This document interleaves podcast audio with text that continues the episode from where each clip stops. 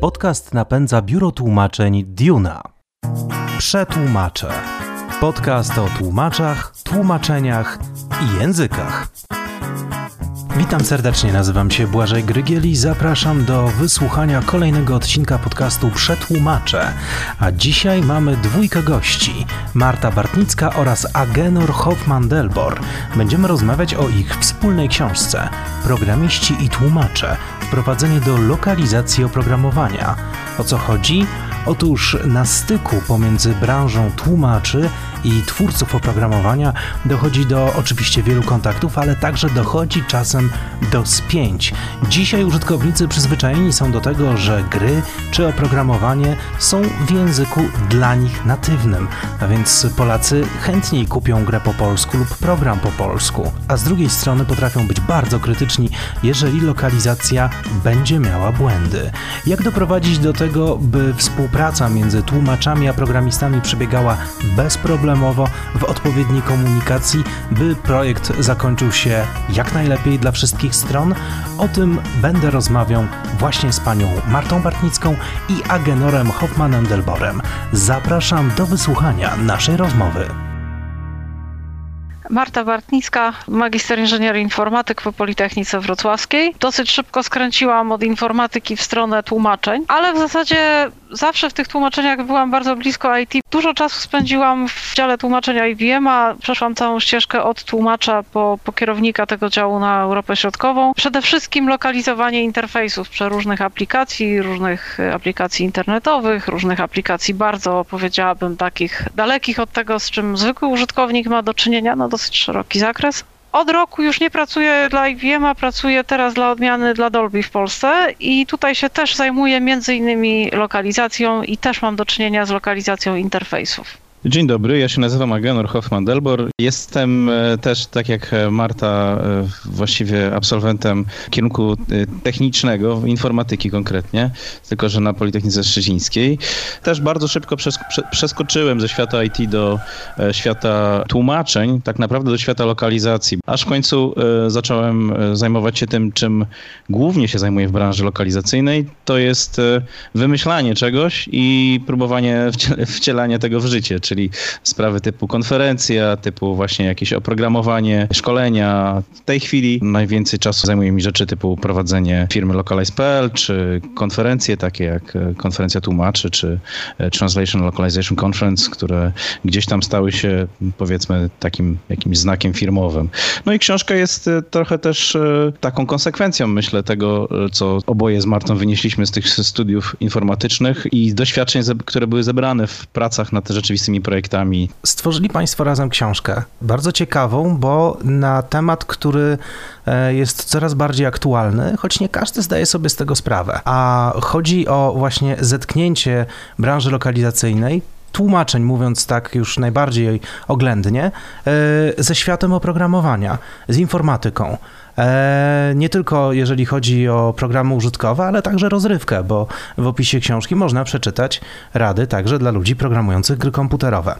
E, zresztą trudno się dziwić w momencie, kiedy Polska jest tak wielkim potentatem na tym rynku. W związku z tym zacząłbym przede wszystkim właśnie od tego, jaka była Państwa perspektywa podczas pisania książki? Pani Marta stała z jednej strony, a pan Agenor z drugiej? Jak to działało? Ja powiem, e, z mojego punktu widzenia wcale tak bardzo nie stałam z drugiej strony, ponieważ e, od strony biznesowej może i byłam e, dalej jestem po stronie zleceniodawców tłumaczeń, ale tak naprawdę, kiedy pracuje się w dziale lokalizacji, czy jest się osobą odpowiedzialną za lokalizację w dużej firmie, to tak naprawdę jest się pośrednikiem pomiędzy działem IT, czy działem programistycznym, developmentem, a tłumaczami.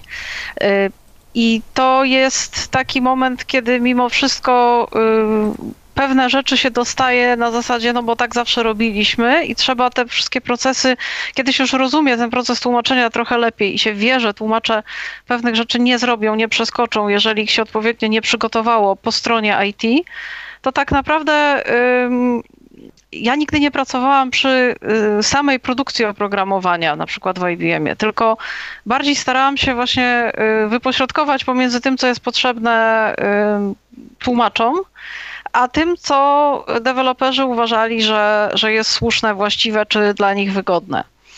Także nie mamy tutaj tak do końca, znaczy mamy, mamy dwa różne punkty widzenia, ale one nie są do końca, do końca przeciwstawne. Ja ostat, w ostatnich latach mam swoją ścieżkę, Aganor ma swoją, y, trochę wchodzenia w to samo y, w jądro ciemności, wchodzenia tam, gdzie rzeczywiście rzeczy powstają i ewangelizowania rzeczywiście w procesie produkcji, y, co jest potrzebne, żeby, żeby aplikacje, strony, dokumentacja, żeby one były dobrze lokalizowalne. Natomiast nasze perspektywy nie są tak do końca przeciwstawne na jakie problemy Państwo natrafili na samym początku, e, pracując przy różnych projektach i kiedy Państwo się spotkali i stwierdzili, ok, trzeba napisać taką książkę, żeby e, tłumaczom, e, czy w ogóle pracownikom branży lokalizacyjnej pokazać, jak myślą, co tworzą i jakby jak funkcjonują e, twórcy czy oprogramowania, czy, czy, czy branży rozrywkowej, informatycznej, a z drugiej strony trzeba e, tamtych drugich nauczyć tego, co jest potrzebne branży lokalizacyjnej, e, żeby mogła ich produkt przetłumaczyć czy przełożyć, może lepsze słowo, na rzeczywistość językową e, innego miejsca. E, jakie to były te doświadczenia, te historie, które Państwa sprowadziły do tej konkluzji? To może ja e, pozwolę sobie tutaj e, zabrać głos. W zasadzie zacznę od końca. Książka powstała całkowicie e, zdalnie, można powiedzieć. Ja mieszkam w Szczecinie, Marta pod Wrocławiem, więc właściwie nie było takich spotkań jako takich, żeby książkę omawiać. Ona powstawała przez, przez ładnych kilka miesięcy i właśnie to, o co pan pyta, czyli co w niej zawrzeć, jak te doświadczenia skierować w odpowiedni obszar, to była być może najbardziej istotna część pracy przy tej książce, czyli co my właściwie chcemy powiedzieć i komu. E, I, i też trochę z tego wynika e, sama jej nazwa tej książki, czyli programiści i tłumacze. Tak naprawdę e, jak pogodzić dwa światy, jak mówić do dwóch zupełnie różnych grup w sposób, który będzie dla nich zrozumiały i w naszym założeniu, czy, czy, czy, czy mając nadzieję, że będzie również ciekawy. Teraz jeśli chodzi o te doświadczenia, to one niestety się wiążą z głównie y, całą masą różnych problemów, które się y, gdzieś tam pojawiały, y, całą masą różnych projektów, które nawet na co dzień stały się dla wielu osób niezwiązanych z branżą tłumaczeniową powodem do różnych ironicznych komentarzy, czy, czy ignorowania tego całego pomysłu, żeby produkty mieć po polsku. W czasach, kiedy ta książka powstawała, no, no może nie tak znowu odległych, ale, ale, ale jednak już troszkę, no gdzieś pokutował taki mit, że te polskie tłumaczenia, szczególnie oprogramowania, to są strasznie koślawe, że to jest takie e, kali iść do smok i że w zasadzie to e, prawdziwy informatyk czy administrator, już dzisiaj informatyków nie ma, ale powiedzmy, że w tamtych czasach jeszcze byli, prawdziwy administrator to używa produktu tylko po angielsku, bo no, polskie wersje, czy, czy tak wtedy się jeszcze mówiło spolonizowane wersje, powinniśmy raczej mówić zlokalizowane wersje, e, no, y, są y, albo niepoprawne, albo ktoś, kto to tłumaczy, nie wie o co chodzi y, i, i tak dalej, i tak dalej. Więc ca, cała historia tych nieudanych lokalizacji no, jest, jest długa. Ona jest zresztą w tej książce w, dużej mierze przytoczona. Z przykładów takich, które mm, ja zawsze podaję, jak, jak rozmawiam z klientami o tym, czy warto w ogóle wchodzić w temat przygotowania produktu do, e, do lokalizacji, czy warto w ogóle o to, o, o, to zadbać i czy to się przekłada jakoś na pieniądze, no to jest chociażby e, e, przykład sprzed no, kilkunastu lat, można powiedzieć, czyli sondy Mars Climate Orbiter, która z powodu tego, że ktoś nie zadbał o temat lokalizacji właściwie, rozbiła się e, na powierzchni Marsa e, i to kosztowało prawie 200 milionów dolarów, a powód był bardzo prozaiczny, czyli e, Centrum Kontroli Lotów używało zupełnie innych jednostek siły, niezgodnych z, układ, niezgodnych z SI, no i to spowodowało, że, że podana wartość, która gdzieś tam do tej sondy została przesłana z Ziemi, e, została dziesięciokrotnie zawyżona i trajektoria lotu została e, zupełnie zmieniona na taką, która spowodowała, że, e, że sonda się spaliła w atmosferze, a w dużej mierze, a później rozbiły się te szczątki o, o, o planetę. Czyli proste drob, drobiazgi i to są właśnie takie drobiazgi, które później powodują, że oprogramowanie no, może nie rozbija się o planetę inną, tylko powoduje, że na ekranie komunikaty wyglądają dziwnie, są poobcinane, brzmi to nie po polsku albo w sposób, który wyraźnie Mm, odstaje od zamierzeń oryginału. Więc my się z takimi rzeczami mierzyliśmy i podejrzewam, że do dzisiaj e, stanowi to e, duży problem. Znaczy nie podejrzewam, ja to widzę też e, używając oprogramowania. Jest pewien progres, bo e, dużo się zmieniło od technicznej strony. Już mamy coraz mniej problemów z kodowaniem znaków na przykład. E, no to, to, to, to jest naturalny progres, ale e, to, co się nie zmieniło, to główny powód powstania tej książki, czyli to, że programiści raczej nie są specjalnie zainteresowani światem tłumaczeń e, i, i tego, żeby dostosowywać swoje, e, swój kod do, do, do tego, żeby kiedyś tam tłumaczowi było łatwiej w procesie e, późniejszym. A mówię to dlatego, że jak obserwuję różne kursy programowania, to jednym z podstawowych, jedną z pierwszych lekcji jest lekcja tego, czego właściwie nie powinno się robić z tekstami, z łańcuchami tekstowymi. E, to jest technicznie wykonalne, to jest dla programistów wygodne, no ale to powoduje później całą masę problemów, które my e, obserwujemy przy lokalizacji. Więc to są te główne powody, dla których ta książka, myślę, nadal jest, mimo że już upłynęło parę lat, wciąż aktualna w większości. Pani Marta, jakie były Pani doświadczenia, jeżeli właśnie chodzi o e, tą lokalizację oprogramowania i w ogóle współpracę e, na polu lokalizacja i, e, i informatycy, programiści? E, tu się pojawiło takie słowo już ewangelizacja, pojawiło się słowo czarna dziura, czyli e, jest dużo do zrobienia. Jest dużo do zrobienia i to wcale nie wynika z złej woli czy braku wiedzy którejkolwiek ze stron. To znaczy nie takiej wiedzy, która. To nie jest tak, że tłumacze nie umieją w lokalizację, bo coś tam, bo się boją komputerów, ale nie jest tak, że programiści chcą źle zrobić, chcą zrobić krzywdę tłumaczom, bo, bo są tacy tutaj mroczni i negatywni w tej historii. E, powiedziałabym raczej, że. Tak to się ułożyło po prostu w biznesie i nie powiem, że teraz jest jakoś bardzo inaczej niż na przykład 20 lat temu, bo się niewiele się wbrew pozorom zmieniło, y, że ścieżka od człowieka, który projektuje interfejs i go potem koduje, do człowieka, który faktycznie będzie te teksty na interfejs tłumaczył, jest bardzo długa. Y, I po jednej stronie istnieje takie założenie, że tłumaczenia to jest jakaś czarna skrzynka, do której się to wszystko wrzuci, jak już produkt będzie całkiem gotowy. E, naprawdę ludzie tak myślą. E, po drugiej stronie, to znaczy po tej stronie tłumaczowej jest myślenie, że no teksty interfejsu to jest, to jest coś, co przychodzi i wygląda tak, jak wygląda, to znaczy jako tabelka w Excelu, z której niewiele wynika, no bo tak zawsze było i tak być musi, z tym się nic nie da zrobić. Po prostu jest e, dość długi łańcuch tutaj różnych osób, które różne rzeczy robią, informacji, które sobie gdzieś tam giną po drodze. I myśmy, myślę, między innymi po to właśnie napisali y, książkę skierowaną do obu tych stron tego całego łańcuszka, y, żeby chociaż trochę jednym i drugim przybliżyć. Y, programiście przy, przybliżyć to, dlaczego od jego decyzji bardzo dużo będzie zależało w dalszym procesie. Tłumaczowi przybliżyć, dlaczego, dlaczego mu robią to, co robią, skąd to się wzięło i jakie byłyby ewentualnie jeszcze warianty, co może zaproponować, yy, żeby było lepiej. Jak czasami może się dokopać w prosty sposób do informacji, które bardzo, bardzo ułatwią tłumaczenie. Nawet jeżeli projekt nie jest projektem idealnym, to, to może być trochę mniej kłopotliwy niż by się wydawało.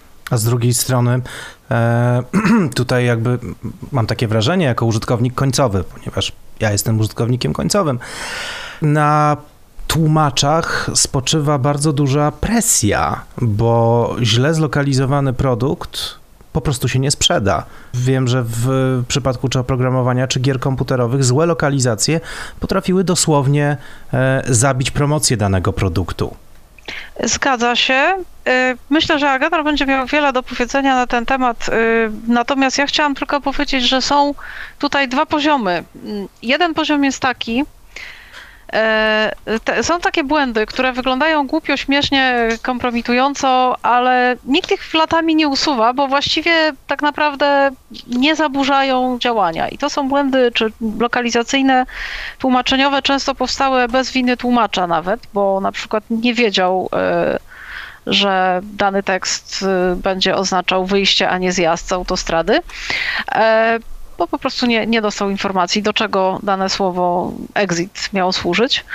E, Więc są takie błędy, które wyglądają głupio, wyglądają kompromitująco, ale tak naprawdę nie wpłyną zupełnie na y, sprzedaż produktu. Natomiast są takie błędy, które rzeczywiście potrafią y, no, zakończyć karierę gry, czy zakończyć karierę jakiegoś produktu, czy bardzo utrudnić wejście na rynek. To jest tak. E, dla e, odbiorcy e, jakość językowa jest bardzo subiektywna i w zależności od tego, czy dany produkt ocenia pasjonat danej technologii, czy danej, nie wiem, dziedziny rozrywki, czy ktoś z zewnątrz, opinia na temat tego, czy produkt jest dobrze, czy źle zlokalizowany, czasami może się różnić.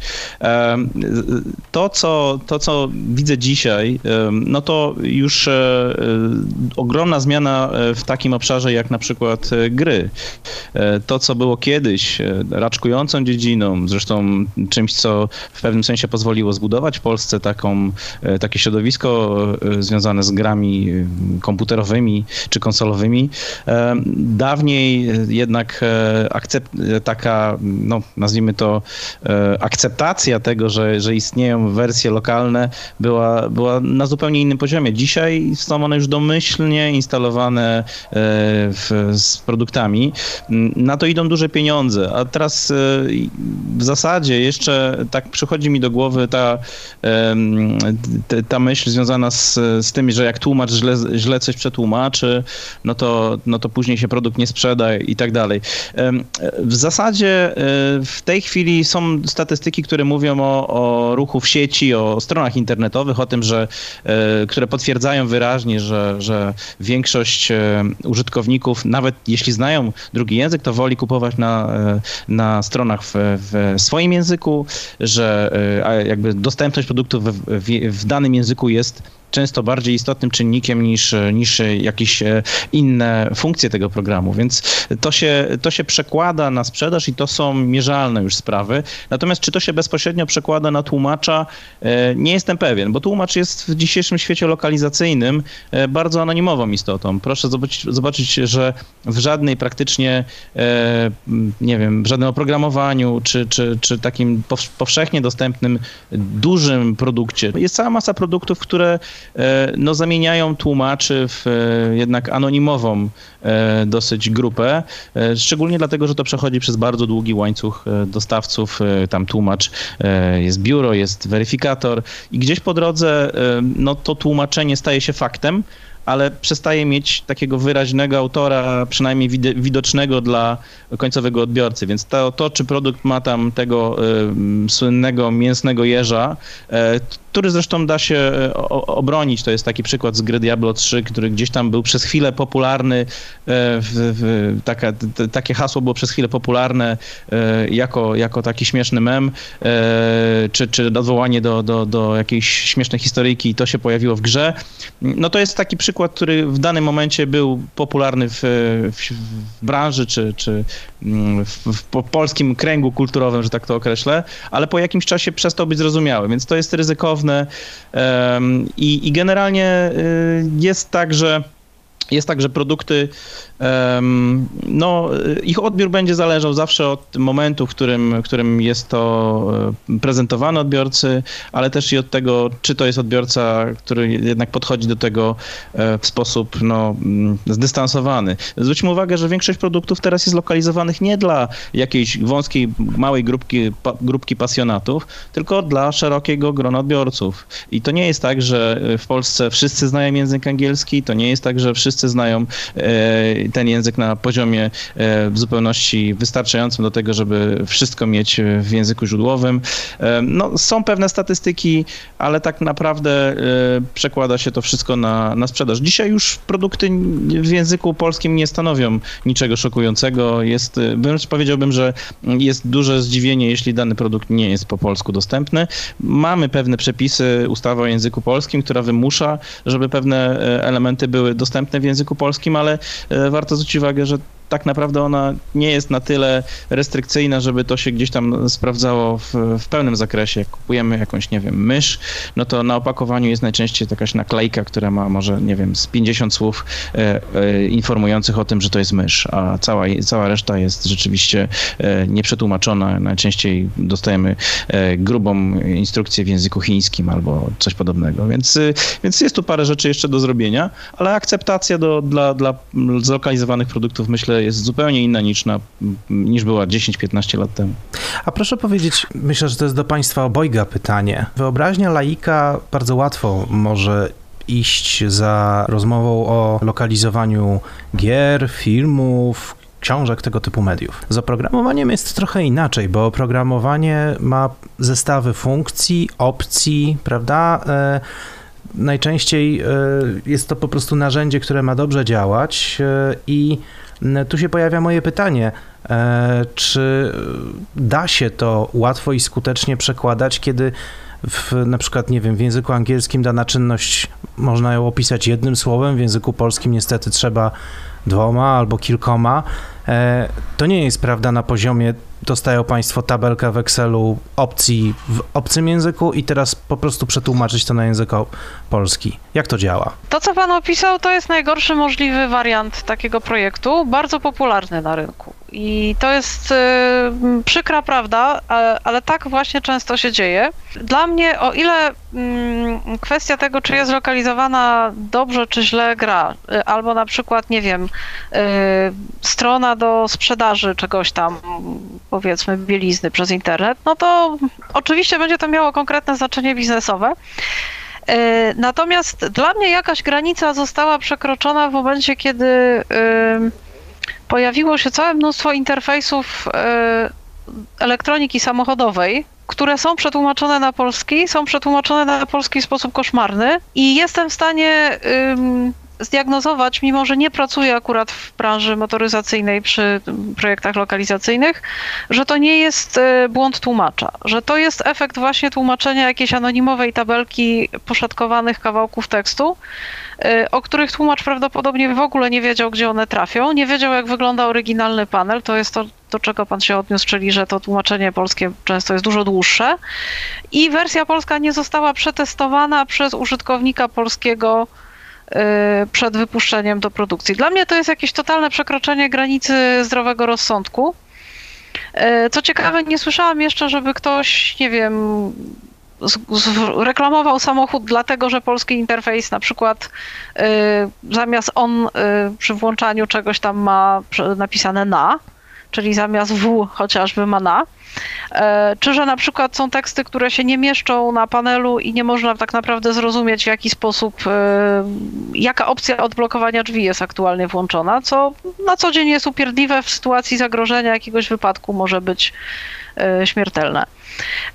Także myślę, że granice są gdzieś tam przekraczane właśnie mm, takiego najgorszego możliwego robienia projektów lokalizacyjnych tam, gdzie tłumacz właściwie w ogóle nie wie, y, nad czym pracuje. I y, tak sobie myślę, że y, ta anonimowość tłumacza i te najgorsze przypadki mają wiele ze sobą wspólnego, bo rynek się tak trochę poukładał, że to, to, o czym mówił Agenor, że to nie jest tak, że jest tłumacz, który widzi najpierw cały interfejs w wersji angielskiej, y, może go sobie przemyśleć, jakieś tam sobie porobi ustalenia, potem go tłumaczy, potem go sprawdza w wersji polskiej, tylko jest y, gromada anonimowych tłumaczy, którzy dostają kawałki, potem dostają jakieś aktualizacje i nigdy później tego nie widzą co wyszło w produkcie ostatecznym. Co prawda nikt ich potem nie będzie obwiniał za to, że ten produkt jest lepszy czy gorszy, ale też nie mają wpływu właśnie na tę jego ostateczną postać. I no takie rzeczy się niestety dzieją.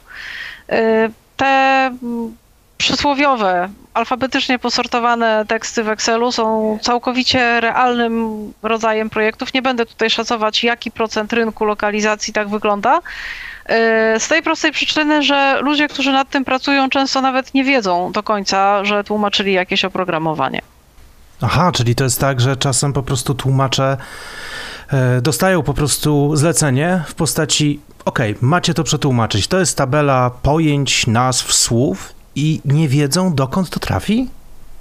Tak. E, sądząc po efektach i sądząc po różnych historiach, e, które czasami powiedzmy e, obowiązuje mnie coś w rodzaju tajemnicy spowiedzi, to znaczy nie mogę powiedzieć na, o jakim projekcie opowiadał mi ktoś znajomy z branży.